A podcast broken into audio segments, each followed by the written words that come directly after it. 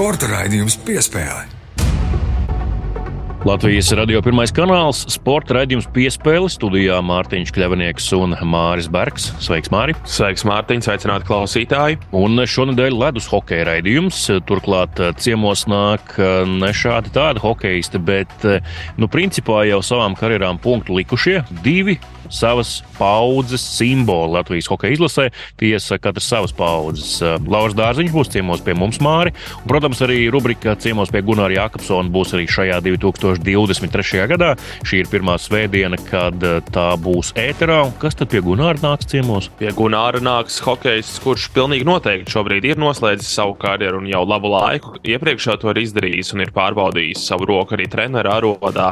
Tas būs neviens cits kā Artūrs Irbe. Pirms mēs sākam sarunas ar Lauru Dārziņu un Artūru Irbi. Protams, ka tradicionālais ikdienas tops, un tam tūlīt jau ķeramies klāt. Sāksim ar to pašu personāžu, ar kuru sākām pagājušajā reizē. Ja pagājušajā nedēļā mēs teicām, ka liels darījums Raimons Krolis pārcēlies uz Itālijas vienības pēcija, Itālijas A sērijas klubu, tad tagad viņš jau pa šo laiku ticis arī pirmo reizi pieteikumā pret um, varano komandu AS Roma, un, uh, diemžēl, šonadēļ savukārt treniņā guva traumu. Nu, tā jau ir. Nekad tādi lieli stāsti, kuri beigās ir tādi rožaini un patīkami, nav sākušies ar ļoti vieglu ceļu, vai ne? Tā varētu teikt, noteikti. Bet uh, Raimons katrā ziņā pavostīja pirmo reizi savā mūžā A sērijas gaisu uzreiz pret Romu, pret Jose Moriņu vadīto komandu. Kas attiecas uz traumu, Mārtiņa precizē mani, ja kļūdos, taču Itālijas medijos, uh, cik tika rakstīts, tad tāda treniņa cīņas epizode, nekas īpašs trauma arī nav smaga sīkums. Raimons pēc neilga laika būs visticamāk atpakaļ un uh, atkal pieteikumā, un tad jau varēsim atkal gaidīt debiju A sērijā. Jā, pavisam noteikti ilgs laiks eh, nebūs jāizlaiž. Es saprotu, ka ar potīti tur kaut kas noticis, bet um, nu, vēlam Raimondam veselību, formu, veselību, gan arī tikt laukumā, bet mēs dodamies tālāk. Un nākamais pieturas punkts eh, šīs nedēļas spilgtāko notikumu topā - daļas lidošana. Pagājušā gada Latvijas labākais sportists Denis Vasiljovs pēc pirmās Eiropas čempionāta daļas eh, pēc īsās programmas bija trešajā vietā, bronzas medaļas pozīcijā, bet izvēles programma diemžēl nespēja viņu noturēt. Viņš, diemžēl, Eiropas čempionātā beigu beigās piektais. Mārtiņa, mēs ar tevi esam drāmķīgi daļsadošanas speciālisti. Tur nav ko slēpt, neko daudz mēs no šī sporta veida nesaprotam. Taču arī mēs abi redzam, ka Denis joprojām nespēja izlekt pilnvērtīgi četrkāršos lecienus.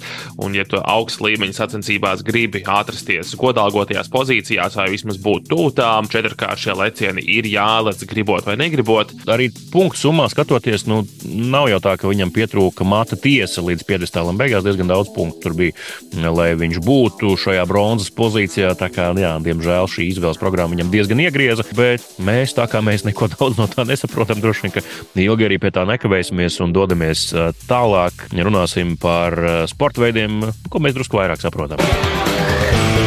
Nākamais pieturas punkts eh, šīs nedēļas spilgtāko notikumu topā - Eiropas jaunatnes ziemas olimpiskais festivāls, jeb olimpiāde, kā to mm, dēvē arī paši rīkotāji. Tur Latvijas jauniešiem pietiekami labi panākumi, piemēram, divi zelta šortrekā, tāpat arī sudrabs hokejā, varēja būt arī zelts, finālā diemžēl 0,5 zaudējumi šveiciešiem un bronza keirlingā. Nu, skaidrs, ka jāpriecājas par medaļām, bet eh, visu pirms jau par to, ka ir jaunā paudze, kas ziemas sporta veidos eh, ar laiku nomainīs tagadējo. Tas droši vien ir pats galvenais. Protams, mēs te varam spriedelēt, cik kurā sporta veidā bija stiprs dalībnieku sastāvs, varbūt stiprākie kādā sporta veidā bija citās sacensībās, jau pieaugušo sacensībās. Jā, no 14 līdz uh, pilngadībai apmēram tāda ir tā vecuma amplitūda dalībniekiem, kas tur piedalās. Tas radina viņus, kāds ir olimpiskais formāts. Tur viss notiek tieši tāpat. Um, autobusi, mediju zonas, uh, ciemati, dzīvošana, arēnas halles, tā mīja miedarbība starp sportistiem, medijiem. Eh, līdz ar to, tad, kad viņi aizbrauks uz eh, Ziemas Olimpiskajām spēlēm, tad viņiem nebūs tik liels pārsteigums vai kultūras šoks. Piespēle! Un nākamais pieturas punkts mūsu šīs nedēļas pietiekami bagātīgajā topā - Austrālijas atklātais čempionāts tenisā. Aļona Ostapenko zaudē Wimbledonas pagājušā gada čempionai Jeļinai Ribakinai, Krievijas tenisistei, kura pārstāv Kazahstānu. Tā viņas izvēle. Arī saprot, maksā viņai labu naudu par to, ka viņa pārstāv nes Kazahstānas vārdu pasaulē. Bet Aļona, lai gan neaizvadīja sliktu spēli, tāpat nevar teikt, bet tomēr zaudējums divos setos beig beigās un izstāšanās izstāšanās no turnīra. Jā, Ļauna pilnīgi noteikti neaizvadīja sliktu spēli, taču arī Bakina aizvadīja krietni kvalitatīvāku spēli, un viņa prata izmantot savus ieročus krietni labāk nekā Ļona. Tad arī Bakina vienkārši noservēja Ļonu. Nu, tā var teikt, tādā tenisistu valodā.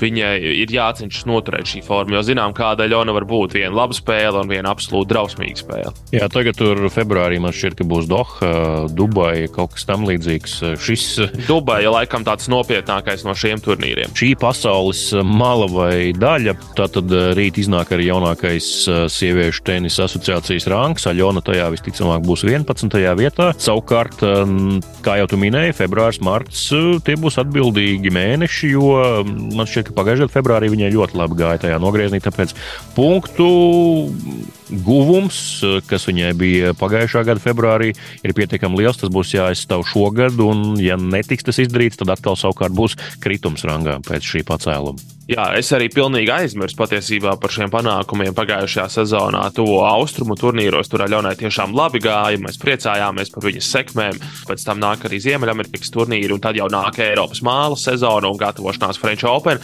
Ļoti intensīvi un atpūsties daudz laika nebūs, un forma ir jāmēģina noturēt, jo to Alaž dara visi elites tenisisti.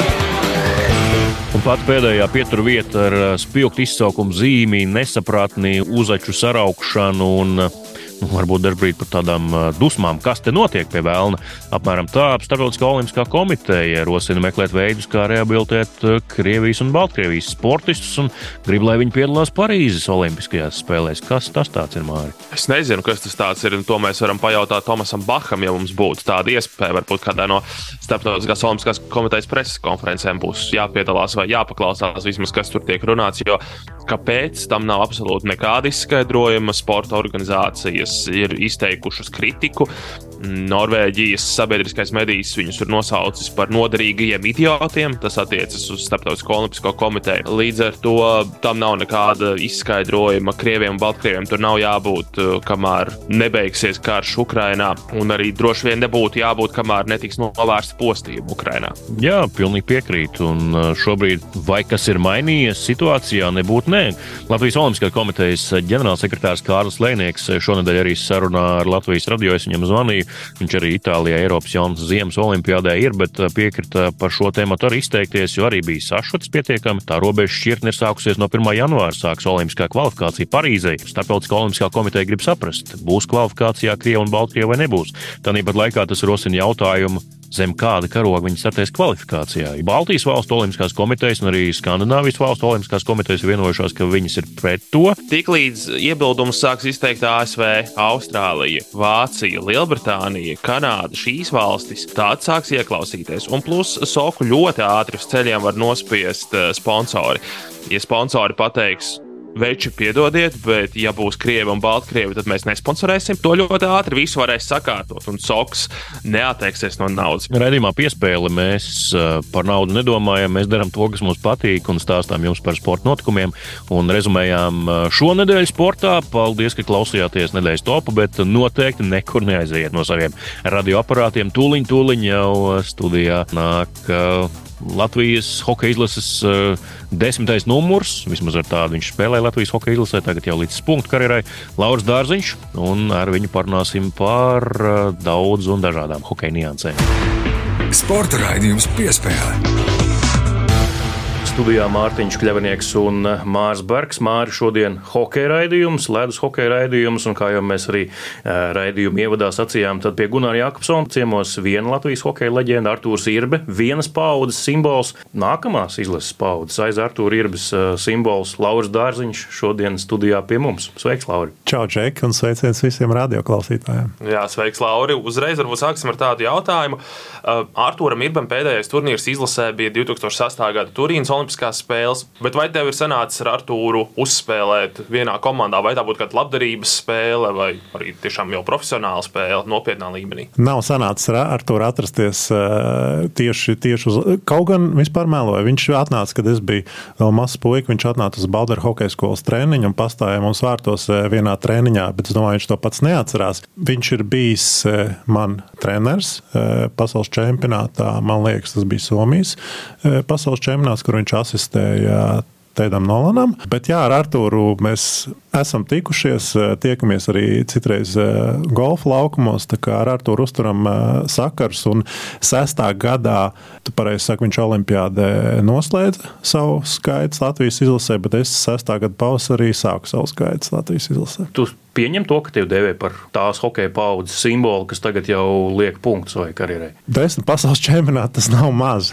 Nemaz. Bet tas Latvijai laikam specifiski it sevišķi, kad mēs, tad, kas jau nu jau mēs skaitāmies, tad, tad pie vecākās paudzes, kad Latvijā nebija tik, tik masveidīgi daudz hokeistu, un, un čaļiem nācās braukt uz desmit pasaules čempionātiem, citam pat uz patsmit. Un, un, un skaidrs, ja tu pa to televizoru skrien katru pavasari, tad uh, cilvēkiem iespiežās atmiņā. Gargabalnieka maratonists, kā man sairs, es domāju, ka eh, šobrīd eh, vairs, vairs nebūs. Tu vari atbildēt uz jautājumu, kas šobrīd ir Lauris Dārziņš. Joprojām vēl hokejists, eh, treneris, abi vienā vai tikai viens no šiem abiem, varbūt treneris proti? Šobrīd, šobrīd es izskatu iespējas, bet ne jau man bija, tu pareizi pieminēji, treneris. Man bija forša forš pieredze aizbraukt ar Latvijas izlases uz diviem pārbaudas turnīriem. Kopumā, jā, šonadēļ vēl esmu atteicies no pāris variantiem spēlēt profesionāli. Jā, pa, pa hokeju jau šobrīd nevar saukt, jo, jo hokejs sākās tad, kad par taviem pakalpojumiem kāds, kāds maksā naudu, bet no tiem piedāvājumiem šobrīd tas atteicies. Un... Nebija pietiekami labi, vilinoši.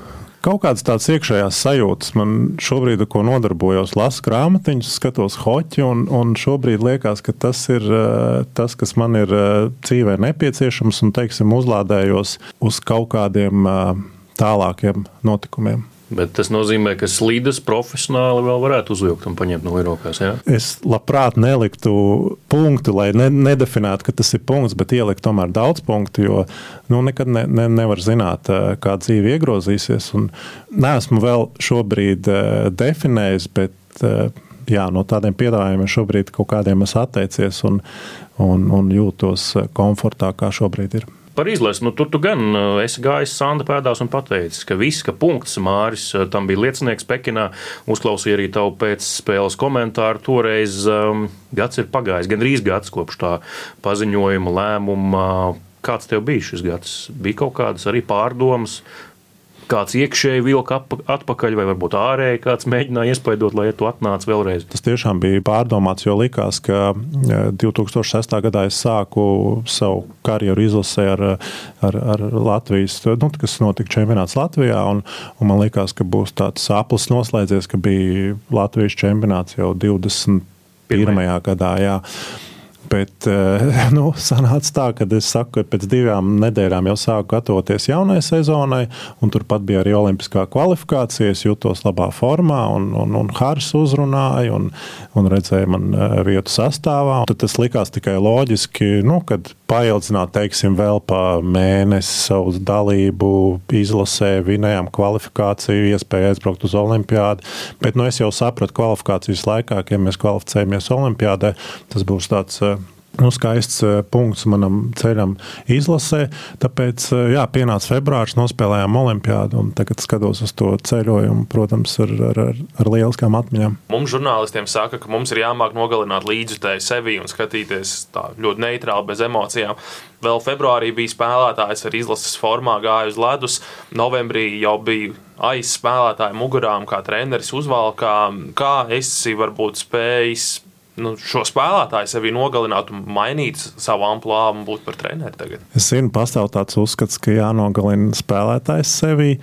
Es tam nepiekrītu. Es labāk uh, Nu, viņi tā nolikšu plauktiņā. Vajadzīgā brīdī tomēr var parakāties tajā atvilknē.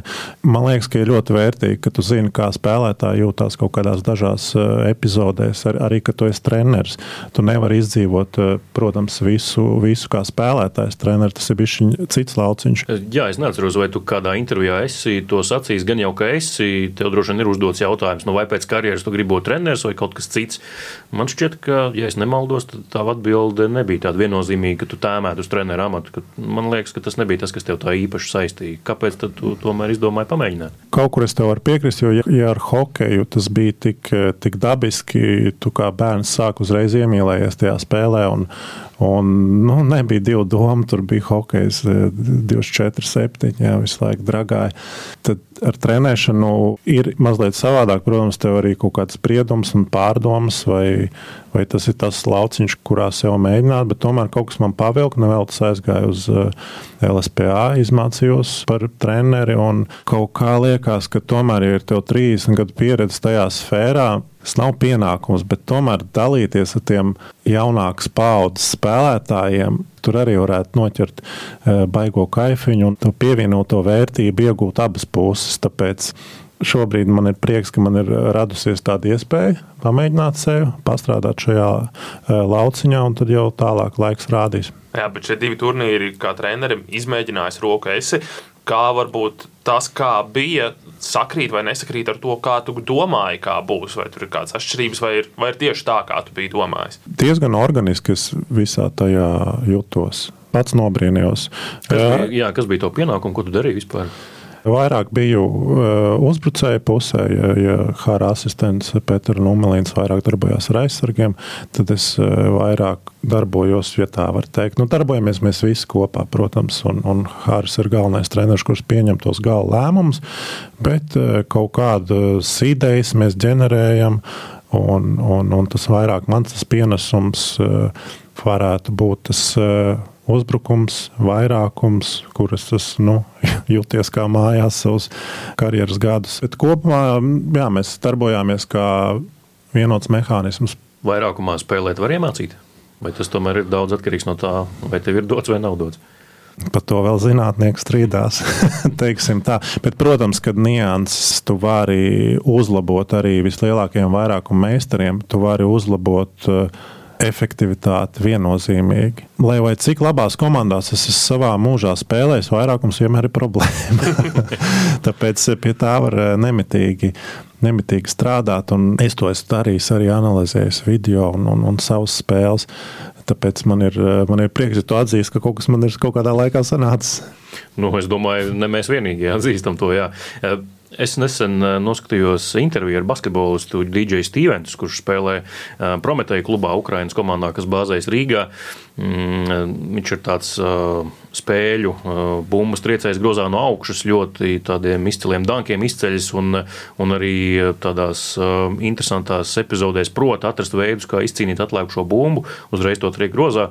Viņš stāstīja, ka viņam kaut kā no bērnības ir tā, ka viņš spēli, tad, kad viņš ir spēles laukumā, redz kā palielinājumā. Viņam ir tāda iekšējā sajūta, kas viņam priekšā pasaka, ej tagad uz grozu, tur būs atlikusi bumba. Spēlētājs varbūt pat vēl nav metienu izdarījis, bet viņš jau virzās uz turieni un jūt, ka būs. Un tajā brīdī, kad tas notiekot, kad ir tie skaistie dāņi, skaistās epizodes, viņš it kā to visu redzot palēninājumā. Vai Lauris Dārziņš arī hokeja spēli uz laukuma redz palēninājumā?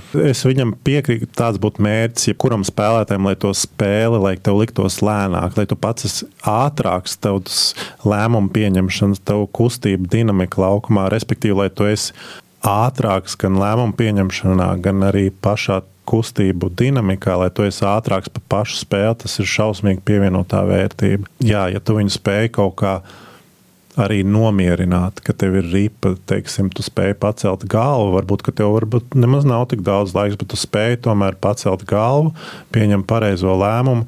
Ļoti daudz kam ir eh, dots no dabas tādā sajūta līmenī, izvēlēties pareizās pozīcijas. Ja tu jūties bišķiņ tāds pārāks pa spēli, ka tu viņu vari pavērot no malas, nevis ka tu visu laiku skrien pakaļ. Jā, liekas, ka tu kavē visu laiku spēlēt, tad, protams, uh, viens sūdi nāk pēc otriem. No. Man liekas, ka šī ir arī tāda lieta, kas nāk arī ar pieredzi spēlētājiem, ka tu redzi, kā kombinācija attīstīsies, kā epizode attīstīsies, kurš tur iebrauc iekšā vidū, kurš izslido ārā. Tur. Tas arī noteikti atvieglo spēli, ka varbūt ātrums vairs nav tāds kā 20 gados, bet tu ar domāšanu, ar acīm redzi un izdomā, ko vajag. Mm -hmm. Jā, tas ir dabīgi cilvēkam, jo tās pozīcijas karjerā tu viņas izbraukā, un, un, un tev jau tomēr kaut kāda sapratne, kā pretinieks varētu rēģēt. Kad uz karjeras otru pusi, bet tu noteikti spēlē efektīvāk. Bišķi, bišķi varbūt ne pa tēmu, bet novērots, ka spēlētāji, kur ir e, tad traumēti, nu, pustraumēti, nosauksim to tā, jo tu esi traumēts, tu nevari iziet uz spēli. Tas nav iespējams tādā mūsdienā, kur tik prasīgs sports, jo tev, ja tu tiešām esi galīgi traumēts, tas nav iespējams. Bet, ja tāds pustraumēts, tu izēji, un, un, un varbūt tu kaut kur esi bijis lēnāks, un, un tā, bet uh, tev smadzenes uzreiz savādāk strādā, un bieži vien tie spēlētāji tādā veidā kaut kādā brīdī, kad ir vai apslimuši vai pustraumēti, viņi var aizvadīt ļoti veiksmīgas spēles, jo viņi spēlē kaut kā efektīvāk. Tāpēc tur arī var eh, parakāties un pameklēt kaut kādas likumsakarības. No agrāk hokejs bija ļoti atklāta tāda spēle, neparedzējama atklāts. Ja? Pēc tam nāca kaut kāda New Jersey Devils Nu, ja, ja bija atklāts, tas bija Oilers, Grēckis un viņa vinnēja Stanley Kausu. Pēc tam bija tāda kā revolūcija. Ņūdžersī Devils aizsardzības hokejs, viss noslēgts arī vinnēja Stanley Kausu. Un kas ir interesanti, hokejā ļoti tāda kultūra ir, kad viens no otra špiko kas ir veiksmīgs, un tad špiko, un tad visas komandas sāk spēlēt to aizsardzības hokeju. Un tad, kad ir tas aizsardzības hokejs, nu, klausies, ja visi spēlē, nu, kur, kā, kā tad mēs varam vinnēt? Jā, viss ir tādi, tādi atkal aiziet uz to, kad kaut kur vajag kaut kādu pienesumu, kaut kādu, kaut kādu odziņu, bišķiņu to spēli atklāt.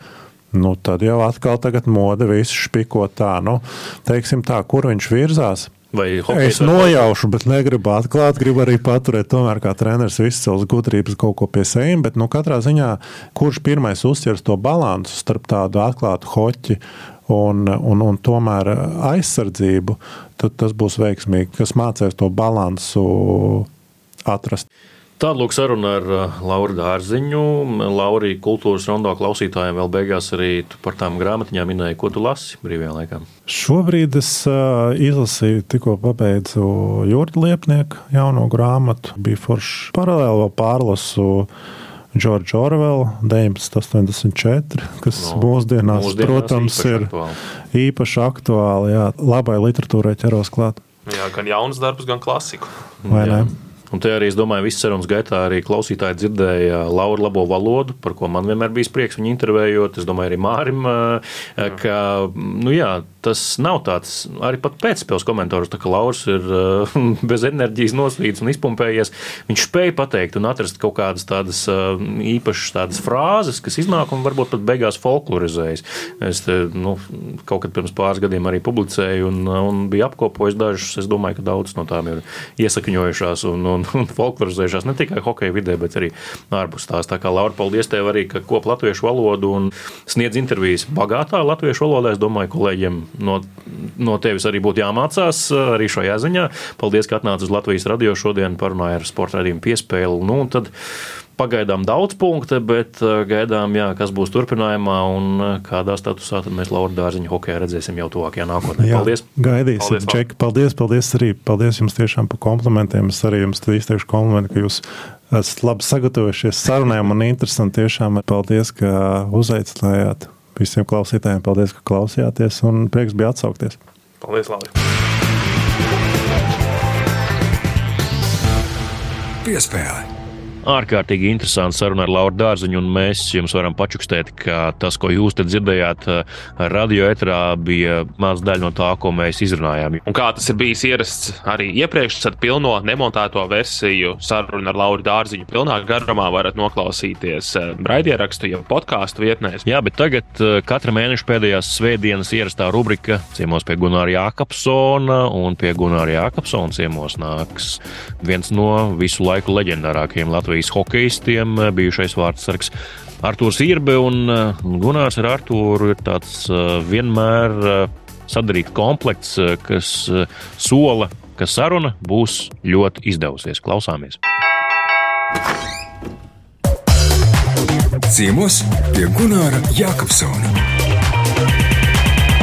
Rit jaunais gads, hokeja cerību gads, turklāt pasaules čempionāts notiks Rīgā. Līdz šim Latvijas valsts izlases izcīnīta augstākā vieta bijusi 7. 1997. un 2004. gadā, vārtu sargājot Arturam Irbem, kurš šodien ir mans ciemiņš. Labdien! Labdien visiem! ja, un ar kuru kopā būs daudzās spēlēs, dažādos turnīros, čempionātos, olimpiskās spēles ieskaitot. Un tomēr ir kāds mačs, īpašs, vienreizējs un leģendārs kurā tu ar tur sargāji vārtus, un es biju pie mikrofona, pie kura pēc cīņas beigām tu sacīji, lūk, ko. Es esmu dzīvojis 33 gadus šai pasaulē. Es dzīvoju visus šos 33 gadus šai dienai, šai spēlei, un es būtu gatavs atdot vienkārši pusi dzīvi vienam šādam hokeja mačam. Paldies visiem, kuri ticēja! Tā tu sacīji pirms turpat 23 gadiem Sanktpēterburgā, kad Latvija vinēja Krieviju 3-2. Vai šobrīd vēlēs kaut ko pie šiem vārdiem piebilst? Nu, es uzreiz varu piebilst, ka toreiz emocijas bija drusku sakāpinātākas un savādākas. Bija milzīgs atvieglojums, jo tas bija izdevies. Un tas ir jāskatās uz manu hokeja karjeru. Nu, droši vien viss tāds emocionālākais un droši vien arī paliekošākais citāts. Tev ir bijis daudz izcilu spēļu, nu, ja salīdzini šo panākumu kaut vai ar to, ka to Harikans iekļuva Stanley Kausa izcīņas finālā, vai var salīdzināt šos lielumus? Viss ir iespējams salīdzināt, nevienmēr vajag.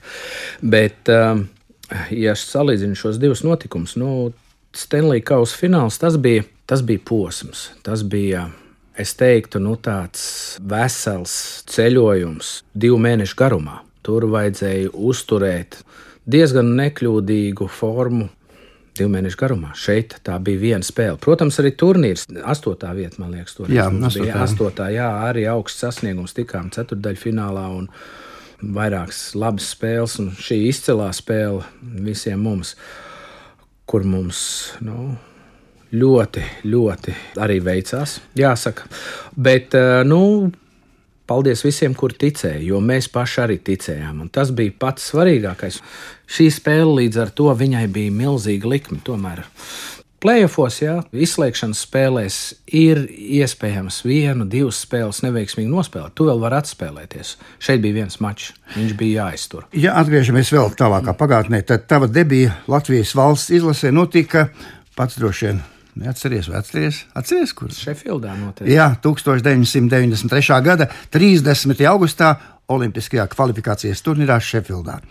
Es piedalījos deviņos pasaules čempionātos, divās Olimpiskajās spēlēs. PSRS izlases sastāvā divkārt es kļuvu par pasaules čempionu un 90. gadā arī par pasaules labāko vārdsargu. Drīz pēc tam, laikā, kad Latvija vēl nebija atgūsta neatkarību, tu atsacījies startēt PSRS izlasē. Ja mūsdienās attiekšanās būt Krievijas komandās vai arī sacensties ar tām ir parasta parādība, tad tolaik tas šķita ļoti drosmīgs, patriotisks solis. Kā tas īsti notika? Tāda bija laika, bija jāpieņem lēmums. Un... Bet tagad arī pieņem lēmumus. Toreiz šos lēmumus pieņemt bija daudz grūtāk. Nē, nu, protams, ka bija grūtāk, bet uh, man liekas, ka man bija dot iespēju dzīvē būt klāt pie savā ziņā pie mūsu Latvijas atzimšanas šūpuļa. Dažādi par to spriež, bet īstenībā tas sākās cilvēku sirdīs un ar cilvēku lēmumiem. Un arī barikādēs cilvēki izvēlējās, iet vai neiet, baidīties vai nebaidīties. Pieteicās tautas frontē, parakstījās, ja iestājās cilvēki. Baidīties vai nebaidīties. Un tas jautājums bija arī, manā galvā, ja, kad man piedāvāja iestāties tautas frontē, nu drusku bija jāpadomā, jo tu saproti par sekām, kādas var būt. Tā šobrīd tas tā abstrakti izklausās, bet toreiz tas bija reāli. Un tieši tas, ka tik daudz cilvēku pieņēma lēmumus tieši tajā laikā, arī deva mums iespēju atgūt neatkarību.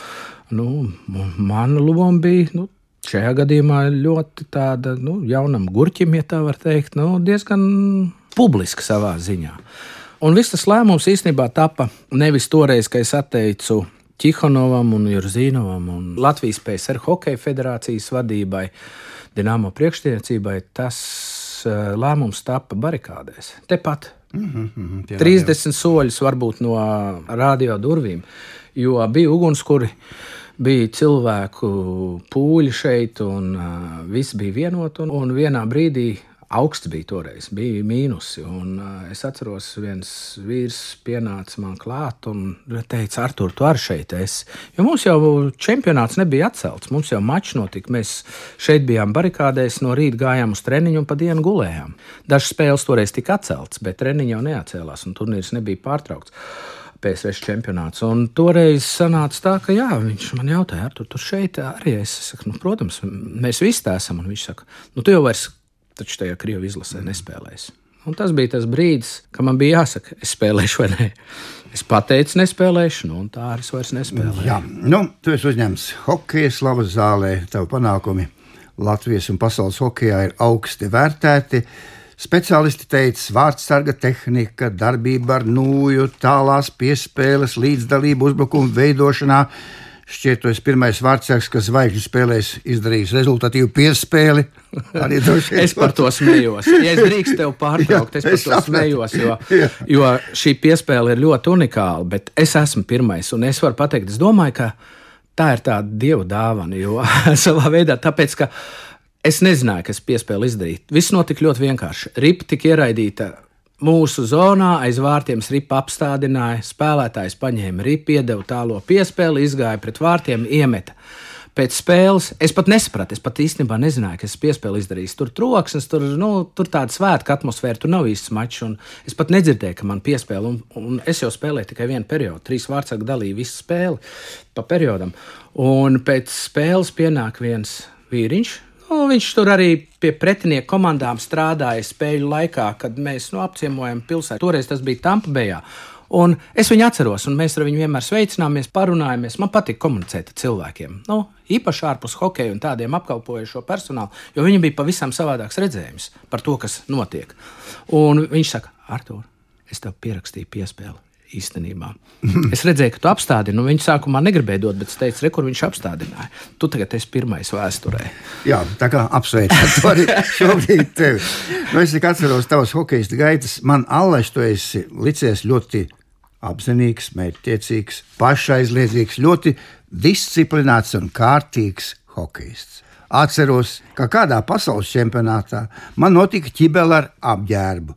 Tu man ieaicināji pie sevis ģērbtuvē, atvēri savu koferi, un tur bija gan diegi un auklas, gan īlēni un adatas, un tu itin veikli un aši palīdzēji man ar visu ķibeli tikt kārtībā tas kārtīgums, tas priekšzīmīgums, tas ir no dzimšanas, tas ir, tas ir, tas vai, vai to tev hokejs ieaudzināja? Pirmkārt, paldies, ka atgādināji šo epizodu. Es viņu neatceros. Mm, varbūt, jā, jā. dzīve ir raibijusi. Tas droši vien bija diezgan sen. Ļoti. Es tā, ļoti es tā sen. noprotu. Ļoti sen. Bet man tas zaļais maciņš vēl joprojām ir. Mm, Šajam lietu maciņš, mm, un es zinu, mm. kur ir, un es reiz pa reizei tos darbrīks, kas man tur ir, izmantoju. Man patika darboties ar rokām. Tas cilvēku nomierina. Priekš manis tas bija savā veidā tāda terapija. Es zināju nu, savu vietu, savā ziņā savu vietu dzīvē. Es biju tā kā nu, glābējs, tā kā ugunsdzēsējs, pa sapieru īsti nenosauks, bet reizēm es ar pa sapieru runāju par savu profesiju. Bet man bija jāglābj tad, kad visi citi ir salaiduši dēlī. Ja? Kad viss kļūdās, mm. es kļūdīties nedrīkstēju. Nu, šī ir līdzīga situācija. Nu, kā, nu, tu esi bez pogas, un kur tu liksies? Man ir laiks, man ir, man ir darba rīka, tās ir pāris minūtes, un viss ir gatavs. Man, Jā. tā, man tā lieta patika. Kad es tev nesen zvanīju, tu teici, tikko es atnācu no meža darbiem un gatavojies braukt uz Spāniju. Kur un kā tagad ir tavs laiks? Ļoti vienkārši. Nu, turpat uh, kaut kur starp tūju un salacgrīvu, lauka īpašumā. Tur darba pietiks vēl nākamajām trim paudzēm vismaz, lai mēģinātu visu to sakopt. Jo, jo daba visu laiku mainās, un darba netrūkst. No darba es īsti laikam nebaidos, man pat patīk. Man daba patīk, tā ir terapija. Es arī, kad Amerikā dzīvoju, es principā centos izvēlēties savus dzīves vietas kaut kur tuvāk dabai, strautiņam, mežam, kokiem. Tā kā acīm redzot, tas bija asinīs jau, jau iedzimts savā ziņā.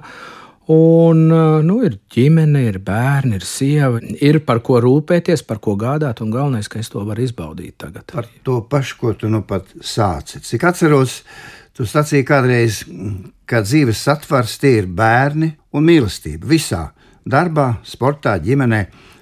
Nu, dažos vārdos pastāst par savu ģimeni, par bērniem, vai tiek eh, koptas arī sportiskās tradīcijas. Tas ir tāds, jā, vairāk eh, šķautņu jautājums, bet, ja runā par bērniem, par ģimeni, par mīlestību, mīlestība ir eh, ļoti arī universāls īstenībā kopums, jo, lai cilvēks tiktu mīlēts, viņam ir jāsniedz mīlestība. Tas ir apusējs. Es teiktu, pat uh, divirziena kustība. Ja?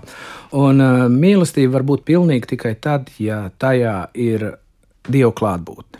To es esmu sapratis, sen, sen par to domāju, sen zināju arī 33 gadu vecumā, bet uh, tagad es vairāk nodzīvodams un vairāk tajā iedziļinoties, saprotu, ka pasaule ir kļuvusi ļoti strauja tehnoloģijas mainās, vērtības mainās, jēdzieni mainās. Cilvēks reizēm vairs nav cilvēks. Cilvēks var pateikt, ka es sevi identificēju ar suni, un viņam visas tiesības par to cīnīties. Tagad, kad viņš nav cilvēks, viņš ir suns. Tāpat arī ir par, par cilvēka dzimumiem un vispārējo. Tā kā es tajā esmu apmaldījies, pateikšu. Bet, ja pieturās pie vienkāršākām lietām un dzīvi pārāk nesarežģīja, ko pašlaik mums māca sarežģīt dzīvi, tad viss balstās mīlestībā, vienkāršās, pavisam vienkāršās lietās. Un man viņas ir mīloši bērni, mīloša sieva, ar ko var no rīta pamosties, vakar aiziet gulēt. Hokeja laikā tā nebija. Tagad es to izbaudu. Bet cik es jaušu tev bērni tavās pēdās kaut kā negrasās iet? nu, lielie bērni nav grasījušies. Jā. Jā. Ne, varbūt pat grasījās, jā, bet jā. nav aizgājuši. Jā. Bet, ja runā par um, jauno paudzi, nu, kas zina? Nu, mans piecgadīgais ilgi, ilgi, ilgi prasījās. Īstenībā viņš Viņš izprasījās pats tik ilgi dīts, kamēr mamma izdīts, lai aizved uz, uz, Jā, uz hokeju. Nonācām pie ledus, nu, neskumst pēc nūjas, pēc ledus, pēc hokeja, un vai trenera darbs tevi tā īpaši tomēr nesaista? Es aktīvi, protams, netrenēju tagad, un vai es to būtu gatavs darīt pie noteiktiem apstākļiem, noteiktā situācijā, es to atkal varētu darīt. Man tas patīk. Es atzīšos, man ļoti patīk. Bet uh, visam ir sava sezona, savs laiks dzīvē. Un, un šobrīd, lai es uh, treneru darbu mainītu pret to, kas ir man tagad, ja man jāsaliek svaru kausos ģimene un, un, un hokejs, nu, es teikšu, nu, tur ir jābūt tādam piedāvājumam, lai visi būtu ieguvēji, lai visi mēs būtu ieguvēji. Tur ir daudz un dažādi aspekti, līdz ar to tas nav par katru cenu, lai arī man tas ļoti patīk. Runājot par izlasi. Pasakoši, es noteikti paskatīšos spēles, droši vien arī aiziešu uz kādu no hokeja mačiem. Es novēlu izlasēju visu to veiksmīgāko. Vēsturiski mums vienmēr kaut kas ir pietrūcis. Iepriekšējais čempionāts Latvijā bija pateicīgs, jo nebija ļoti stipras izlases. Bija teiksim, iespēja vājākā ešalona komandām ielikt, ielikt medaļās. Es ceru, ka es nevienu neapvainoju, nosaucot par vājāko eš ešalonu un arī mūsu līdzjūtējs, bet um, realitāte ir tāda, un šogad, ko es sagaidu? Nu, es galvenais sagaidu, lai būtu kārtība un, la, un lai būtu izlase. Un kā jau es šajā mūsu sarunā iepriekš teicu, ļoti svarīgi būs, lai pēc mača varētu vai nu Hāris kā treneris vai jebkāds no spēlētājiem pateikt, Paldies visiem, kuri ticēja. Viss sāks ar ticību, un uh, ja jau džeki paši ies laukumā un ticēs, tas ir iespējams. Spēli nevar uzvarēt, ja tu netici, ka tu uzvarēsi. Spēli ir iespējams zaudēt, kad tu tici, ka uzvarēsi, bet ja tu netici, uzvarēt nav iespējams. Paldies, Artur! Lai mums veiksmīgs pasaules čempionāts pašā mājās, un tev jauka dzimšanas diena, 2. februāris. Paldies, Gunār! Sporta raidījums piespēlē. Svētdiena, Latvijas radio pirmais kanāls, studijā Mārtiņš Kļavinieks un Māris Barks. Gan Lauris Dārziņš, gan Artūrs Irba vienā raidījumā. Tas ir kaut kas, un mēs paši esam priecīgi, ka šāds scenārijs izdevās, un to mēs realizējām dzīvē. Šis raidījums līdz ar to arī skan māri. Mums tad jāskatās jau nākamajā nedēļā un ar skatu uz nākotni. Mēs jau skatāmies uz nākotni. Mēs patiesībā arī ļoti labi zinām, kas būs mūsu studijas viesis. Līdz nākamajai svētdienai, kas būs jau februārī. Uz tikšanos! Sporta raidījums piespēlē.